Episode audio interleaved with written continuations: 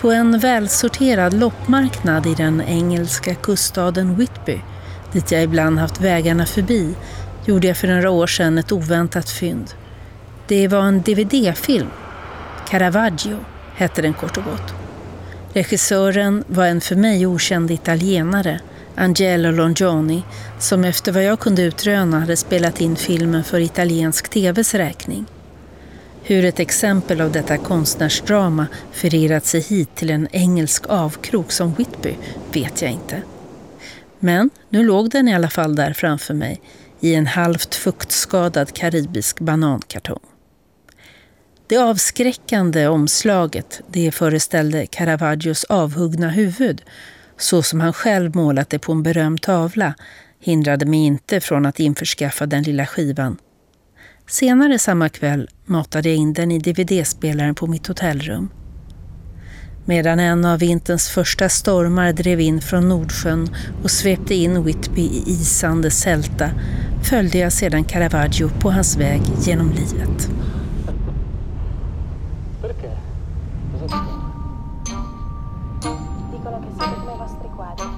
Du lyssnar på Anekdot Essä, Döden på stranden, skriven av Per Högselius, inläst av Magdalena Indebeto. Så här i efterhand minns jag särskilt slutet. Det utspelar sig på Medelhavets strand. Caravaggios krafter tryter. Sjuk och febrig kravlar han sig fram i en stinkande sörja av ruttnande tång. Julisolen gassar obarmhärtigt. Till sist lyckas han resa sig. Då ser han den svarta hingsten i vars sadel en svartklädd ryttare sitter. Ryttaren närmar sig, obönhörligt. Caravaggio tar några desperata språng, halkar i tången, förlorar balansen och faller till marken. Han förblir liggande. Hingsten når fram till den livlösa kroppen, betraktar den, gnäggar åter och vänder om. Jag låg vaken länge den natten, oförmögen att somna. Hotellfönstren dallrade oroväckande och när jag tittade ut såg jag stora vågkammar blixtra i skenet från hamnens strålkastare. Jag kände mig inte alldeles väl till mods. Jag bäddade ner mig i sängen, lyssnade till vinden och vågorna och tänkte på livet och begrundade Caravaggios grymma öde. Jag tyckte mig ha läst någonstans att Caravaggios död var föremål för debatt bland konsthistorikerna. Att man i själva verket visste ytterst lite om hans sista dagar i livet och om hur dessa slutligen gått till ända. Samtidigt kunde jag inte låta bli att tänka att filmmakarna träffat helt rätt genom att låta Caravaggio möta döden på en soldränkt medelhavsstrand. Särskilt när jag drog mig till minnes min egen läsning om människans förhållande till havet under gångna sekel tedde sig Johnnys tolkning allt annat än långsökt.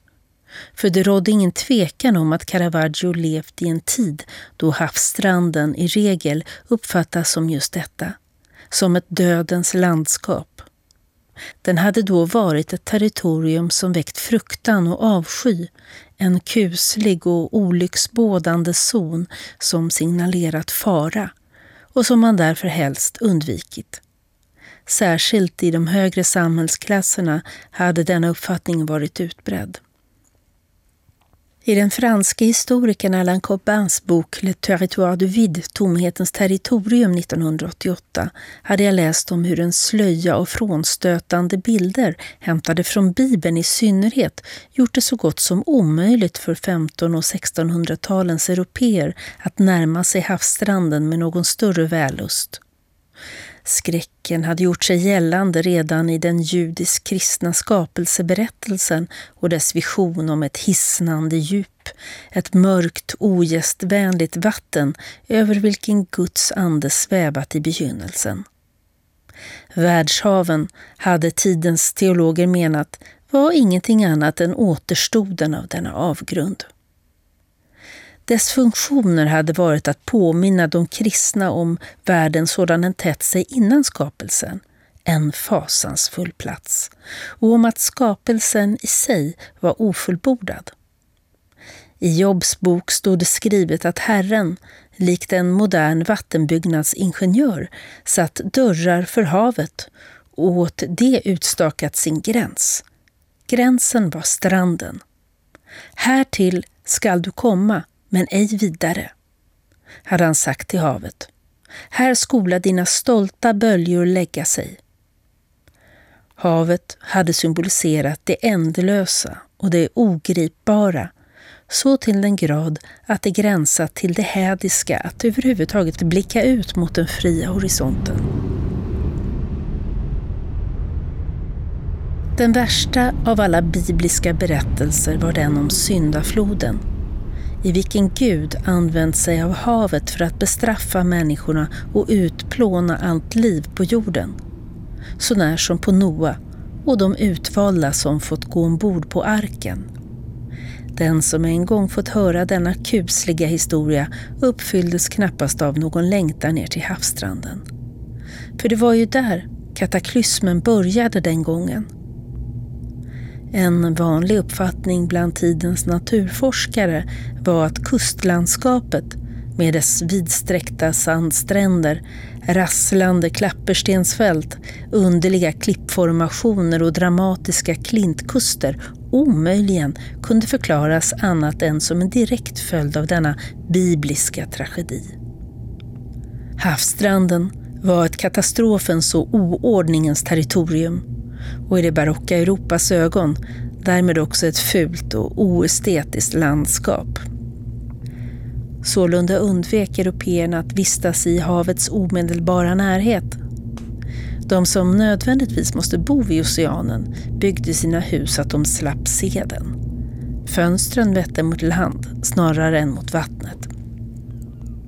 Havsstranden var i huvudsak en domän för de fattigaste, för fiskare och saltarbetare, fyrvaktare, häxor och horor. Det fanns ingenting lustfyllt i att närma sig stranden. Allt detta förändrades, om man skulle tro historiker som Corbaun Lensek, under perioden 1750 till 1840. Särskilt nordvästeuropeerna kom att omvärdera sin syn på stranden. Kustlandet förvandlades i grunden då en mängd badorter växte fram. England, med Scarborough och Brighton som särskilt heta destinationer, gick i bräschen Hit sökte man sig när livet i städerna blev för kvalmigt och kurorterna inåt land inte längre förmådde locka. En ny generation läkare började ordinera strandvistelse för de sjuka som nu, tvärt forna tiders råd, uppmanades att bada i havet, promenera längs stranden och dricka en halv liter havsvatten om dagen. Även de friska lät sig snart lockas. De kom för att insupa den svala havsluften, beundra utsikten, studera naturen, beblanda sig med fiskefolket och umgås med likasinnade. Något senare infann sig romantikerna som i havets vattenspegel återfann den mänskliga själens djup och med badorterna som bas sökte äventyr längs kusten i Robinson Crusoe-anda.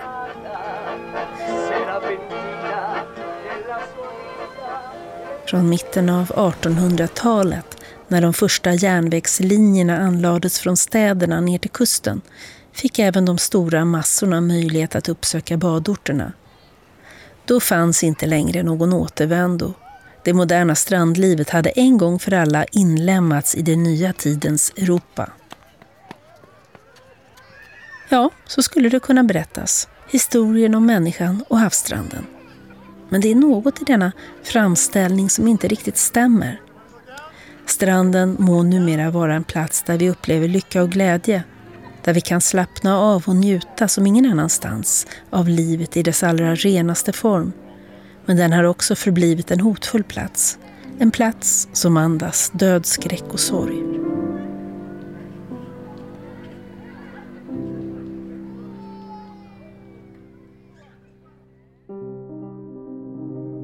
Romantikerna var inte de första att upptäcka strändernas tjuskraft, men de såg något i havet som 1700-talets badgäster inte lagt märke till.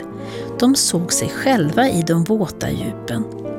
De gjorde havsstranden till ett laboratorium för utforskandet av det mänskliga jaget. Här, det kände de, kunde de komma den mänskliga existensen, den mänskliga själen närmare inpå än någon annanstans. Jag älskar havet som min själ, anförtror Heinrich Heine sin dagbok 1826. Stundom förefaller det mig rent av som om havet är min själ. Av fiskefolket i Norderney, där han om kvällarna gärna vandrar längs stranden, har han hört berättas om sjunkna städer där kyrkklockorna fortfarande ringer om söndagarna. På samma sätt, tänker han, ruvar varje människa på en gåtfull sjunken värld. Den föreställningen kommer tiden att bilda utgångspunkt, inte bara för nydanande poesi och filosofi, utan också för den moderna psykoanalysen. Caspar David Friedrichs målningar förmedlar korrespondensen mellan havet och den mänskliga själen med kuslig precision. Havet ligger öppet, glittrande i månskenet, hemlighetsfullt, silvrigt och dunkelt. Människorna står på stranden och insuper en magisk besjälad natur, fantiserar kring vad som döljer sig bortom horisonten och nere i de svarta havsdjupen. Men framför allt är de upptagna av utforskandet och ifrågasättandet av sig själva. Där vandrar den ensamme munken i dynorna, fylld av ångest, tvivlande på sin Gud, på sin tro, med blicken riktad ut mot det stora blå. Där står de unga vännerna på kritstensklinten, den som stupar brant ned mot stranden, grubblar över livets mirakel och skörhet. Och på strandstenarna sitter männen och kvinnorna och ser fartygen närma sig ur skymningen och ser samtidigt sina egna liv passera revy. De ser hur de själva, likt fartygen i fjärran, en dag ska nå fram till sin slutgiltiga hamn.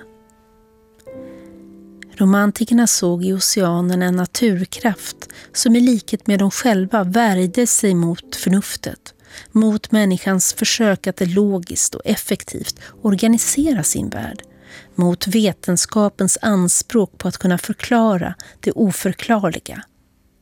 Havet uppmanade romantikerna att överge det ytligt rationella i sig själv och istället söka i djupet av sin själ, av sin inre ocean Romantikerna drömde sig ut på havet, ut i livet och att kapsejsa på halva vägen, gå under i känslostormen, var att ha nått fram. Det ideala livsverket, från Novalis Heinrich von Offerdinken till Schuberts sista strof, var det ofullbordade.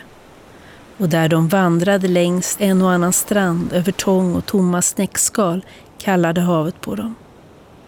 Villigt gav de efter för det hypnotiska, det monotona i dess rytm. De längtade dit ner, till den nedre värld som annars bara drömmarna gav tillträde till. De kände fallandet, sjunkandet, inom sig. Romantikernas längtan efter att drunkna har levt vidare in i vår värld.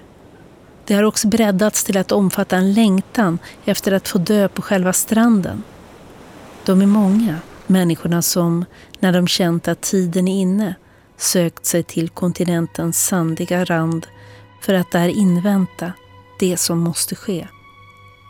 Vi möter dem i fiktiva verk som Thomas Manns långnovell Döden i Venedig 1912 och François Ozons film Tiden som återstår 2005 och Joyce Carol Oates kortroman en fager mö 2010. Men också i verkliga berättelser som när USAs 21 president James A. Garfield efter att ha blivit skjuten i Washington bad om att få resa till badorten Elberon i New Jersey. Där, invid den väldiga Atlanten, tillbringade han sedan sina sista dagar. Sådana berättelser, både de fiktiva och de verkliga, utspelar sig nästan alltid fram på sensommaren, i augusti eller september. Varför just då? Jag antar att det har med stämningen att göra. Med den dalande solen, med sanden som inte längre bränns, med suset i träden, det som nu förebådar vinterdvalen och med den tidlösa bränningen som fortsätter att skölja upp. Med allt detta som visar att världen rör sig, även människan förutan. Stranden väcker vår längtan. Men de inger också ångest. En malande oro inför vad som skulle kunna hända här, invid den fasta världens rand. Strändernas skönhet och lyckan vi kan uppleva där under lata sommardagar blir lätt hotfull. Ty det sköna, för att tala med Rainer Maria Rilkes språk, är blott det förfärandes början. Vem har inte någon gång drabbats av den där insikten?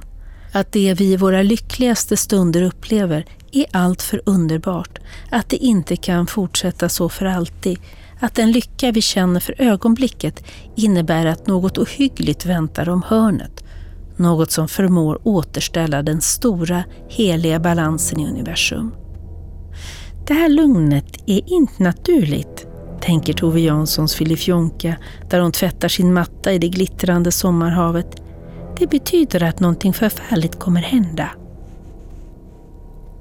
Vi möter det förfärande i litterära klassiker som Främlingen 1942 av Albert Camus, i Steven Spielbergs skräckfilm Hajen 1975 och i Alex Garlands kultroman The Beach 1995 men också på Indiska oceanens stränder annandag jul 2004.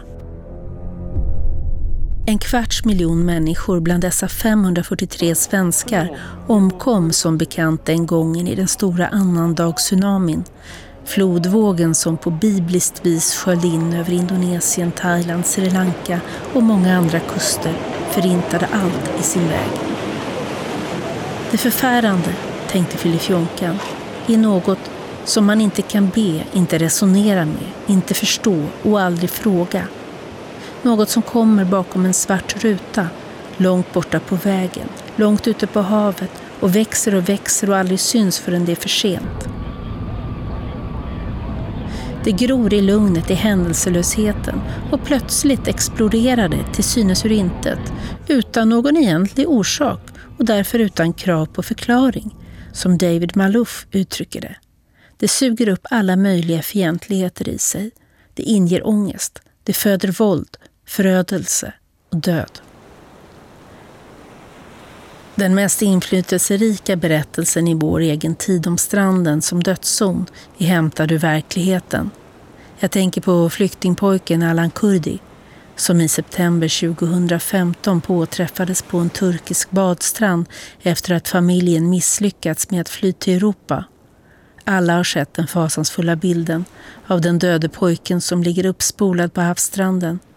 I vattenbrynet ligger han, med ansiktet i sanden, ännu iklädd sin röda t-shirt och marinblå shorts. På fötterna har han ett par svarta sneakers. Kardborrbandet på den ena skon har gått upp. Hans ögon är slutna. Han rör sig inte. Runt omkring honom fortsätter Medelhavets vågor att rulla in, glittrande i soluppgången. Bilden väckte allmän bestörtning. Det är vår anständighet som ligger livlös på stranden, skrev någon i ett upprört inlägg. Strax hade den döde pojken förändrat hela flyktingdebatten. Presidenter, ministrar brast i gråt. Insamlingskampanjer fick ett plötsligt genombrott. Finansmän och kändisar öppnade sina plånböcker, bidrog med stora donationer för att få ett slut på lidandet. I Malmö och Stockholm överväldigades järnvägsstationerna från och med nu inte bara av flyktingar utan även av frivilliga som ville hjälpa till. Så småningom, i det att flyktingströmmen fortsatte att svälla an, skulle stämningen komma att hårdna, gränser skulle komma att stängas. Men under några overkliga veckors tid var det som om att bara detta och ingenting annat existerade. Den döde pojken på stranden och vår vilja att hjälpa. Det var som om vår empati bara kunde väckas av just en sån bild. Åsikterna gick isär om vad som egentligen gjorde den så speciell. Somliga pekade på pojkens kläder. Miljontals människor världen över har klätt sina barn så, menade någon. Identifikationen träffar oss som ett knytnävsslag i magen. Andra sa sig snarare ha berörts av att pojken såg så levande ut fastän han var död. Men det som verkligen fick så många att reagera var att bilden var tagen vid havets rand, att pojken låg död på en sandstrand. Ingen plats kunde ha berört oss mer. Ännu på 2000-talet förblir havsstranden en plats som bättre än någon annan påminner oss om det bräckliga i vår tillvaro, om att allt plötsligt kan gå i kras.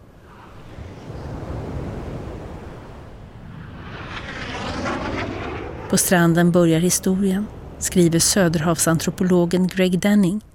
I gränslandet mellan land och hav, där allting relativiseras en aning, vänds upp och ned där traditionen är något vi inte bara ärver utan också uppfinner. Där det andra både är en ny upptäckt och ett förhållningssätt till det förflutna.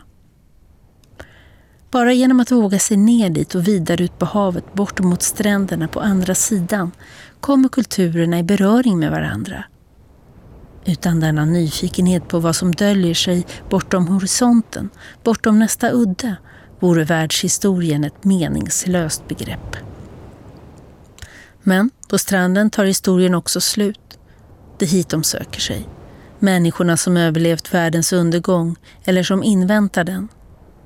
Vi möter dem i suggestiva berättelser som Neville Schutz klassiker On the Beach på stranden 1957, P.C. Jersilds Efter floden 1982 och Cormac McCartys The Road, Vägen 2010 i Andrei Tarkovskys sista film Offret 1986 anländer stridsflygplanen till det dissonanta skränet från en fiskmås och vågornas kluckande mot Östersjöstranden. I överljudsfart viner planen över den lila havsytan. Ljudet är öronbedövande. Så har det alltså brutit ut till sist. Det som alla fruktat. Världskriget.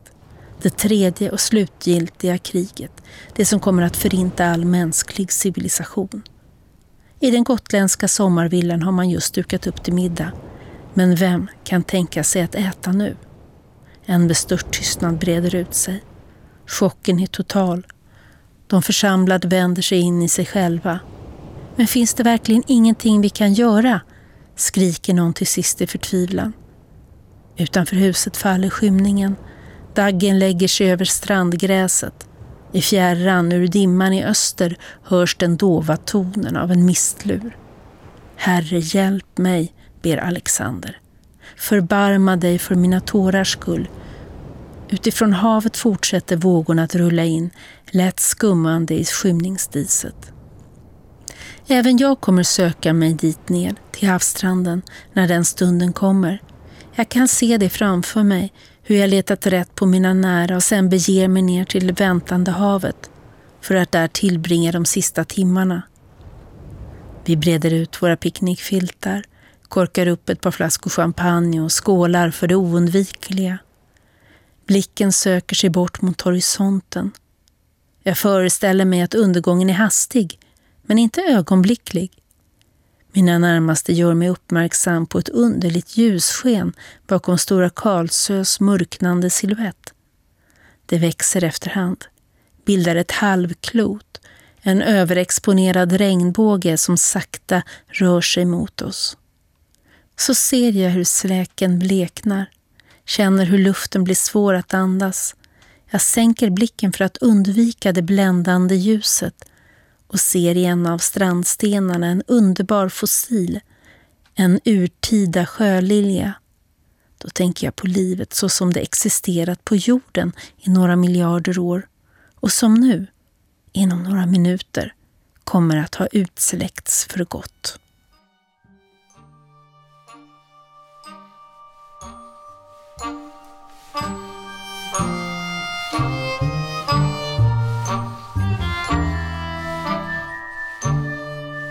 Du har lyssnat på Anekdot Essä, en del av bildningsmagasinet Anekdot.